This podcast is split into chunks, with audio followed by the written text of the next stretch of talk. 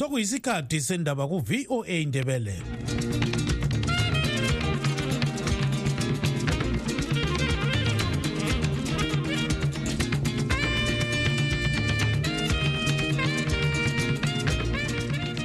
lami lami ngibonge utano nogawande obesipha indaba ngolimi lwesishona.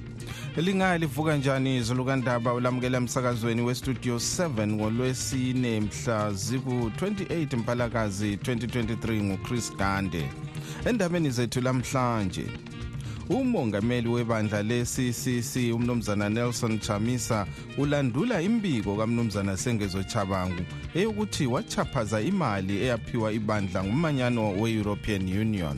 Eh thina ababa sithi nxa sikhuluma izinto sikhulume ngama-facts. Asilawo ama-facts kumbe i-compelling evidence ukuthi okwenzakala ku-ccc eh, it is because of izanu p f or it is because of i-judiciary. Kambe uhlelo lokuxoxisana ngodaba lwegugurawundi oluthiwa luzakhokhelwa zinduna luzaphathisa na?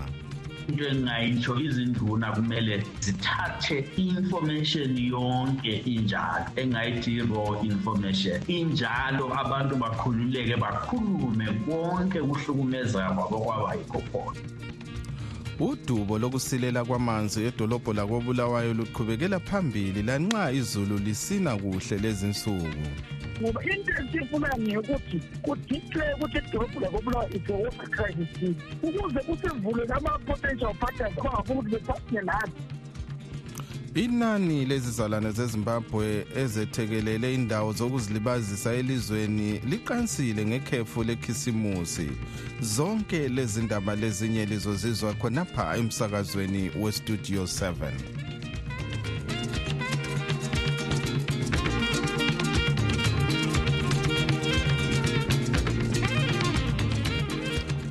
umongameli webandla le-ccc umnumzana nelson chamisa ulandule imbiko kamnumzana sengezo chabangu eyokuthi wachaphaza imali eyaphiwa ibandla ngumanyano we-european union.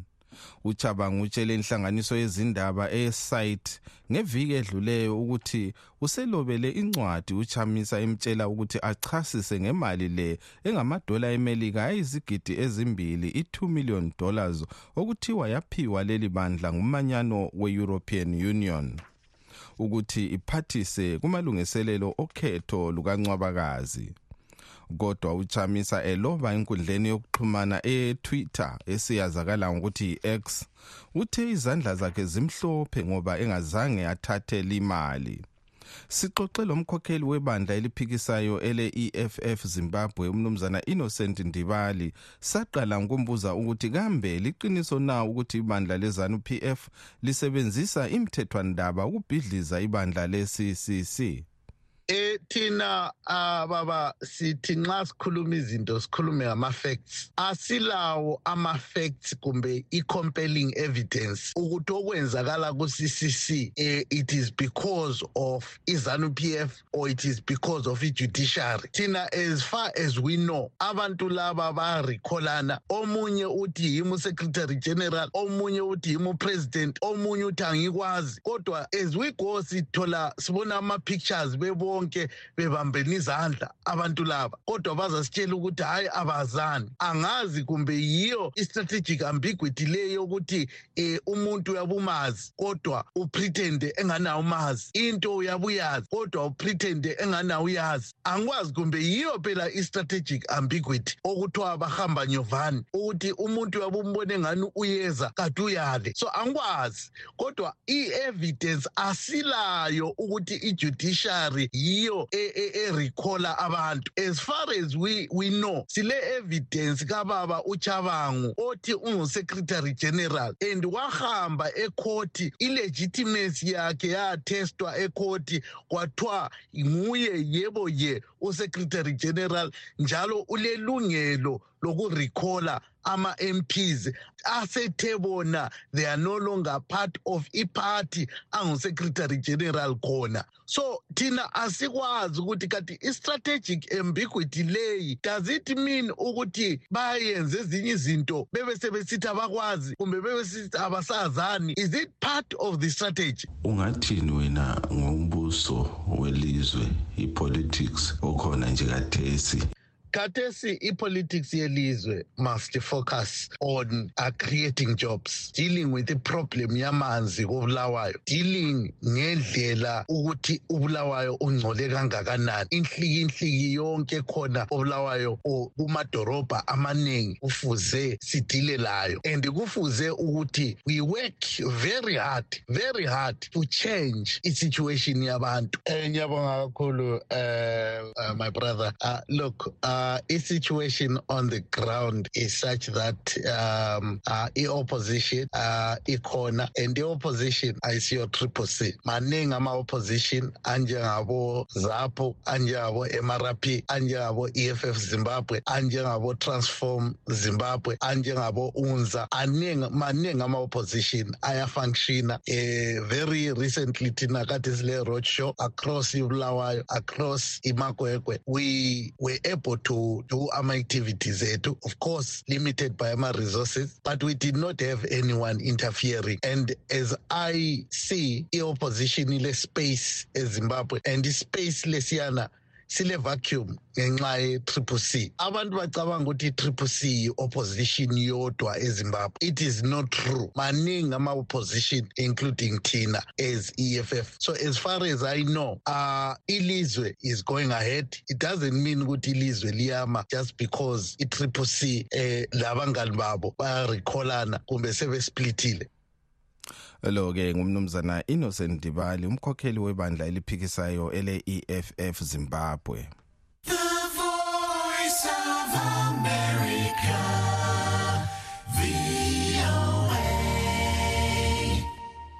Umkhokheli wezinduna kwinhlanganiso yeNational Council of Chiefs umnumzana Mchane Khumalo uthi izinduna sezilungele ukuqhuba uhlelo lokukhulumisana ngodaba lwegugurawundi olukhangelelwe ukuphawulwa ngumongameli Emerson Mnangagwa ekuqaleni komnyaka ozayo.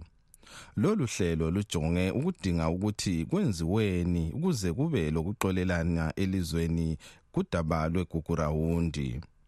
Kulabantu abedlula inkulungwane ezingamachumi amabili 20,000 abesigaba semandebeleni lenkabazwe okuthiwa babulawa libutho le-5th brigade elalisaziwa ngokuthi igugurawundi ngeminyaka yabo 1980 ekuqaleni kwayo. Sixoxe locubungula ezamasiko umnumzana Greta Vodloza Sibanda oyisikhulumeli njalo senye yenkosi zamandebele umnumzana Stanley Raphael Khumalo ukuze sizwe imbono yakhe ngalolu daba.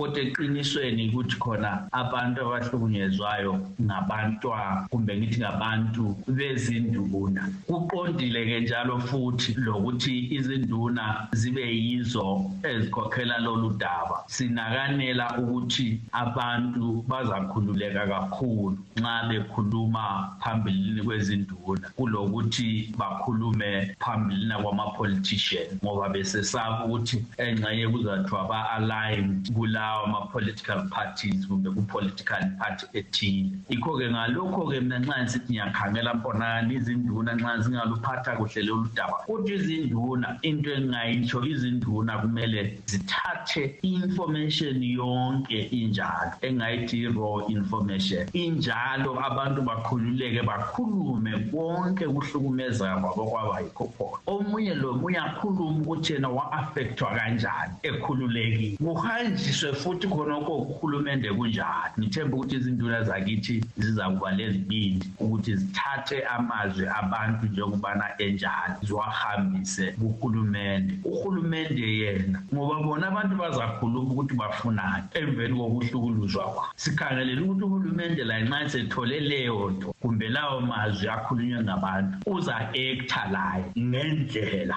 ezasuthisa laba bantu abalinyazwayo. Kodwa nxa ngi- ngifinqa ngithi mina kuqondile ukuthi izinduna zibe yizo ezizakhokhela um imihlangano enjengaleyo. Abantu kabakhululeke bakhulume konke okwabahluphayo. Lalokho abakukhangeleleyo sike sabona kwamanye amazwe afana labo South Africa besenza imicimbi okwakuthiwa i-truth and reconciliation. Ubona ungani yikho okungasebenza yini eZimbabwe? Ye ludaba olunzima uhulumende okhona onguyena okhokhelelayo nalo msebenzi onguyena osenike izinduna amahlombe ukuthi khona bakhokhele nalo msebenzi. Yindaba enhle kakhulu le esithemba njalo ukuthi uhulumende uzahlala esithembisweni sakhe. Phela udaba lolantu uyakwazi ukuthi udaba lolu lwaphathwa nguye uhulumende ngokwakhe. Abantu lokhu besesaba lakathesi ukuthi kambe njengoba kuthiwa siyekhuluma lokhu esizakukhuluma akusoze kusetshenziswe yini? Njalo phezulu kwethu luhlupho olukhulu-ke lolo. Baningi abantwana namhlanje abangazoyise baningi abantwana abangazomalumawo baningi abantwana abangazodadewabo baningi abantwana abangazi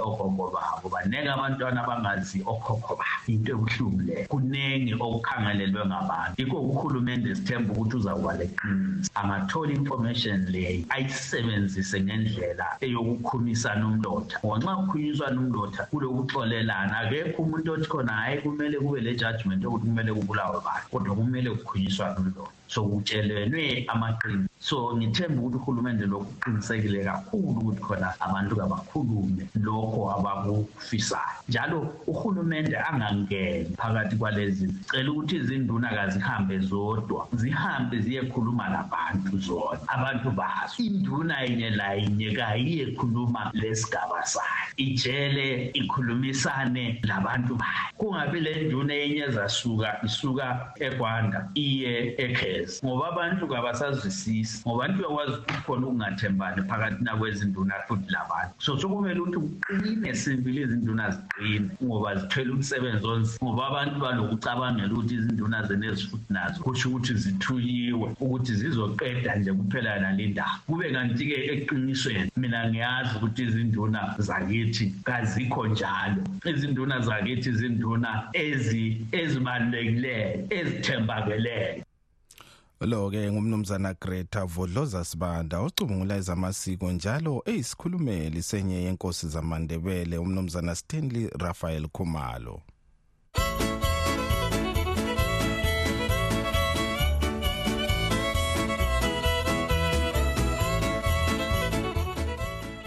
Umanisipala wakobulawayo uthi uzavalela abahlali baleli dolobho amanzi njalo nxa kungedlula ikhefu lekhisimusi emadamu kungangenanga amanzi aneleyo.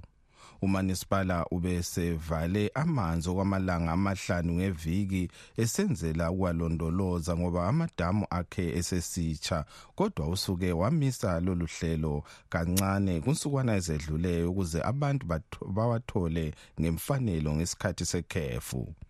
Untungameli nkomo westudio 7 uxoxelo khansila kaward 9 kobulawayo umnumzana donaldson mabutho.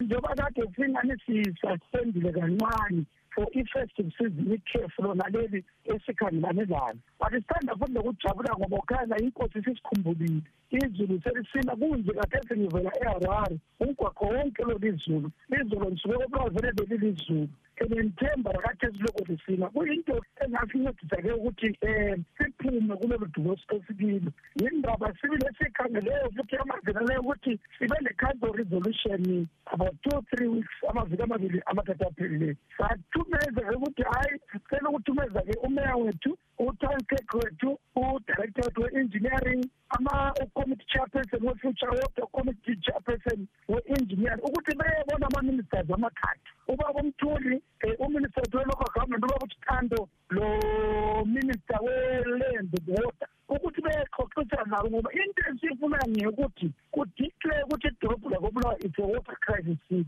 Ukuze kusivulele ama-potential partners abangafuna ukuthi bephathine nathi bezosincedisa-ke ngendodangedukolwani lwamanzi. Lizakhangela ukuthi izikotsho zethu ezise-open forest aserosota esithi ngama-high yielding bowls ethu. Amaningi akhona kasasebenzi kasakwanisi ukuthi enikeze-ke inani lamanzi lani arebe sinike zona um kudala uzathola ukuthi umagwegwe nezinye into ezangapha zazinaka vele from i-aquifer engamandle okumapozo nalawa so sibathumile i'm sure after ikhefu lona leli bayakuya khonale-ke ukuthi behlangana labakhokheli be-government. Into esiyikhala yena leyo ukuthi bantu bakithi sicele ukuthi idorobhu lethu lidikhe kodwa kayisithi sibe ne-funding direct funding ezancedisa-ke udubo esilalo kobulawayo izulu uyatsho ukuthi linile angenile yini amanzi emadamu ye ukuthi kathesi asikatholi-ke from umanjinela wethu ngizabhase ngingaxoxisani naye-ke enike-ke ama-statistics ngoba is a very cooperative land lathi siyazisa lezi zakhamizi ukuthi amadamu ethu asame kanje kodwa kukhona okuke kwathentela khonale. Ekusebenzi ukuthi sibe lombiko ukuthi behambe besiyahlola khona le madamu sekungene inani lamanzi angakanani.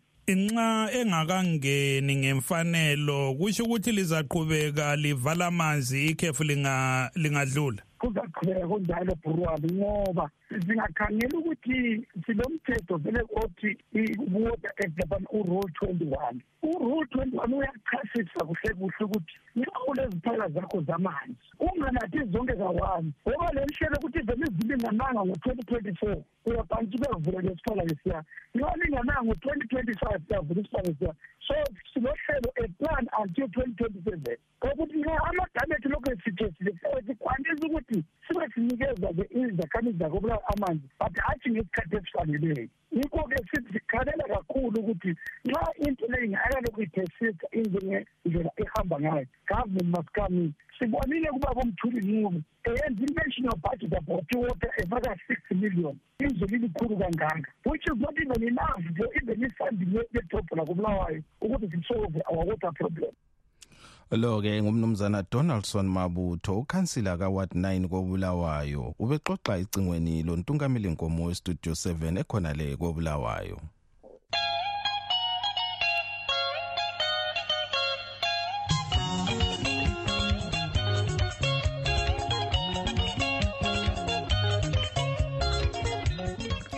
Inani lezizalwane zezimbabwe ezethekelele indawo zokuzilibazisa elizweni likhuphukile lonyaka nxa liqathanisa lakweminye iminyaka.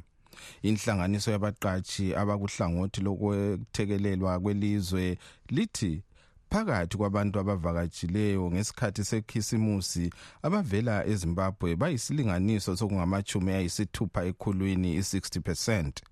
Ukuhlaziya lolu daba. Utabuka ncube westudio 7 uxoxe lomkhokheli wenhlanganiso yabaqatshi abakunhlangothi lwezokwethekelelwa kwelizwe eye-employers association of tourism and safari operators umnumzana clement mugwasi ukuze sizwe imbono yakhe ngalolu daba. Amahotelo lamakhamani lawa ayenza ama-activity vele kade egcwele amahotel amaningi lamalonje amaningi lapha edolobheni yalefolos vele kade egcwele kufika ubinza kuku-hundred percent lama-activities lawo kade egcwele kakhulu so ngasikhangela okhe umnyaka lo odlulileyo umnyaka odlulileyo ka-twenty twenty two abantu kade bebalutshwana bijana because kade savelele ukusuka ku-covid so abantu abaningi kade bengakabi le mali zokuthi bakwazi ukuthi bavakatshe kodwa lo nyaka hhayi babuyile sibili abantu abavakatshileyo abanengi bebevela ngaphi Ka- kakhulu abantu abavela lapha e- ezimbabwe abantu beharare abantu bebulawayo labanye abantu amadolobho atshiyeneyo babuyile kakhulu ku-christmas. Um ngasikhangela okwenye leyi ezayo sikhangele izetekelo ezivela kwamazwe atshiyeneyo ama-bookings ethu ababhalisiweyo ukuthi bayabuya ba- kuyatshengisa ukuthi abaningi bakhona bavelela abanye bavelela e-america abanye bavelela e-europe yibo abaningi bakhona bazabuya ku-new year kodwa ku-christmas abaningi kade bengaba- kade bengabantu balapha e- ezimbabwe. Bekuvakatsha abantu abanjani? Kade kubuya amagruphu atshiyeneyo um iimuli kade zibuya zihlangene. Abantu abadala labantwana um bonke le- le- lezihlobo ezitshiyeneyo. Abantu abasahambi emakhaya ukuthi baye qeda iholide basemakhaya. Sebebuya kuma-tourism resort bechazeka bebonana benza ama-activity atshiyeneyo. Kuyini okubangele ukuthi kube lezethekelo eziningi ezivela ezimbabwe? Um ukumaketha kwethu elizweni um sekule sokukhanya vele ukuthi abantu hhayi bayasizwisisa sebebuya sebenza into into zonke zonke. Sibone futhi ukuthi lo nyaka um abantu abalapha ezimbabwe labo bayenzile ama esingathina ngama-high adrenal activities into ezifana labo-banji labo-goat swing and the like labo-rafting abantu balapha ezimbabwe lapho sebeyenza into ezinje kudala besikade kungayenziwa ngabantu abalapha ezimbabwe kade kujayele ukuyenziwa ngabantu abavelela kwamanye amazwe. Balapha ezimbabwe kade bejayele ukwenza ama-nedback activities afana labo-cruise labo-helicopter flight lokuhamba phakathi kwama-follows kuthi laphana siye sibe le-covid ama-borders wonke kade efaliwe abantu kade bengakwanisi ukuthi baphume elizweni besiye kwezinye indawo so bafunde imikhuba emitsha ukuthi bayakwanisa ukuthi bavakatshe phakathi kwelizwe labo besecwazeka lezihlobo zawo. So imikhuba emitsha leyi khathesi sesiya phambili kungasela covid. Babonile sibili ukuthi umuntu uyakwanisa ukucwazeka evakatsha lapha ezimbabwe esekariba esematopo esiye-victoria falls esiye-eastern highlands. Babonile abantu bezimbabwe ngesikhathi secovid ukuthi hayi umuntu uyakwanisa ukuvakatsha engaphumi phandle kwelizwe kungakabi le-covid abantu babejayele ukuthi kungaba le-holiday baphume behambe kwamanye amazwe. Ngenxa yokuthi babebona ngani kwamanye amazwe yiko okucazayo ukudlula lapha kwezimbabwe. Sebona manje ukuthi izimbabwe la ilenotho ile ndawo ezichazayo ezineningi lakho nokho sibebuya njalo. So i-victoria falls ngenxa yokuthi yiyo indawo elomdumo omkhulu ezivakatsheni um ibe labantu abaningi kakhulu abaze lapha ngasikhangela kwezinye indawo ezilapha ezimbabwe lo-ke ngumnumzana clement mukwasi umkhokheli wenhlanganiso yabaqatshi abakunhlangothi lwezokwethekelelwa kwelizwe e-employers association of tourism and safari operators.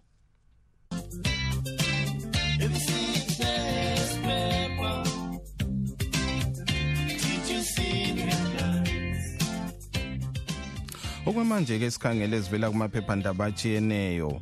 Iphephandaba le-chronicle lilodaba lokuthi kulabantwana abangamachumi amabili lasikhombisa 27 abazale abazalwe ngelanga lekhisimusi ezibhedlela zakobulawayo. Iphephandaba lobulembu ele-new zimbabwe com lilodaba lokuthi uhulumende uthi imfundo izaqhubeka ibhadalelwa ngabazali ngoba kuzamele kube lokulungisiswa okuthize ukuze uhulumende abe nguye obhadalayo.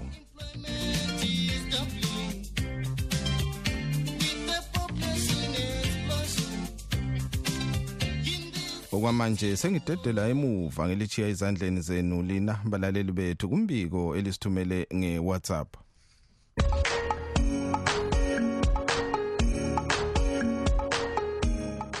Bingelele enkundleni ngithi litshona njani basakazi hhayi simzwile usengezo jabangu um khuluma lozenzele ndebele. Impela uyezwakala ukuthi ulelunda mpela uyinkunzi mpela hhayi uyabusa mpela usengezo jabangu i-triple c singeyakhe uyiphethe uphethe lamakhothi uphethe yonke into usengezo jabangu uyazwakala impela ukuthi amandla unawo kodwa-ke umbuzo yokuthi kade amandla lawa usengezo jabangu onawo kangaka uwathatha ku ukuze ebe lamandla okuhluthunela unelson chamisa iqembu lakhe. Amandla uwathatha kuchaba umbuzo ukhona lapho. Ngoba uyezwakala impela ukuthi ufuna ukuchitha yonke into ufuna ukudiliza lasephalamende uchabangu nguye oziphetheyo uchabangu uzwakala sephethe yonke indawo um njalo uzwakala ezitshaya isifuba mpela eziqhenya um ukuthi empeleni ufuna ukudiliza yonke into. Umbuzo yikuthi uma seqedile ukudiliza kube sokusiba njani?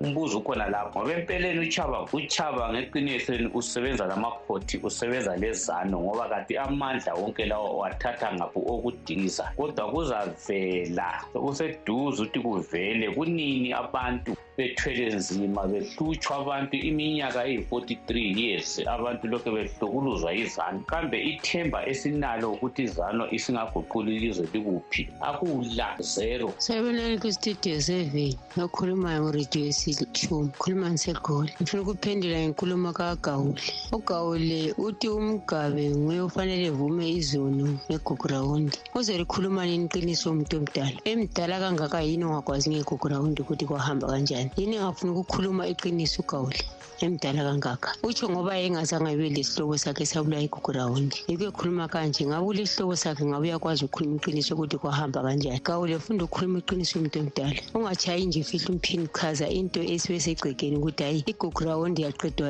yayiqalwa yini yayenziwa yini kwaphela kanjani? Ungayisabi ukhuluma iqiniso gawule ihlobo zethu zaphela thina abanye igugurawundi ungasitsheli ngomgabe ngoba wona udlunatha uyahola uthola konke. Ngabe kawutholi konke ngabe uyalikhuluma iqiniso gawule ngiyabonga. Basakazi bethu linjani sazo estudio seven hayi siyancenga wakithi. Sithi kuhle mali ngabe basakazi ukuthi ikhisimusi lidlale kahle. Liphila lonke. Hayi siyabonga kakhulu singakubongela lokho. Senimpilo enhle mpela ma. Ngabe lisidlale kahle ikhisimusi ukuthi liqhubeke lingene futhi emnyakeni omutsha sonke bakithi isilamasisi amahle ama-champions ukuthi bakithi. Okungathi ngabe bengene bedlale kahle ikhisimusi bantu kanye lelida yethu uchamisa wonke nje ama-leaders lama-m p ethu safisela impilo enhle. Siyabonga ama-studio seven siyalibonga kakhulu ngamasisi amahle. Ayabonga kakhulu maya bedlale kahle ikhisimusi sidanke hallo bantu bastudio seven ninjani abantu abasilethela indawo ezimnandi. Mina nginenkinga nobaba ugawula lo ubhilive gawula ubhilive gawula lo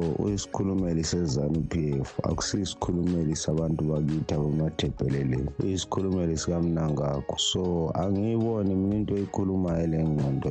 Noma yinini ubhilive gawula lo angazi ukuthi yena kezwa ukuthi into eyikhulumayo iyanuka emlonyeni wakhe. Studio seven studio seven linjani balaleli nani? Nonke basakazi. Um hhayi ngikhulume ngale ndaba kababugawula liyayikhulumayo ukhuluma ngathi ngumntwana omncane ngumuntu ngumuntu omdala. Um ma ethi umgabe nonguyena umnikazi womlando kwakumele ashiye exolisile ukhuluma njengengane kimi. Umuntu okwakumele omele axolise nguyena lo osephethe manje ngoba lo esikhuluma ngaye akasekho. Akaqala axolise yena nangaqala before ezoya ebantwini eyohlawu kumele uqale ngoqolo phela. Uzutani bakuxolela ngeke uhlawu uhlawu uzohlawulani engezwanga ukuthi abantu bayamxolela kumele yena. Phela ma uba ma abantwana sebemele bebhada behlawule lelo cala kumele beqale kuqala before bezohlawula. Ubaba ugawala njengengane encane ungubaba ukhulile umuntu acaba njengomuntu omdala akhulume amazwi omuntu omdala. Into seven seven thina asikhaleli ukuthi kumbe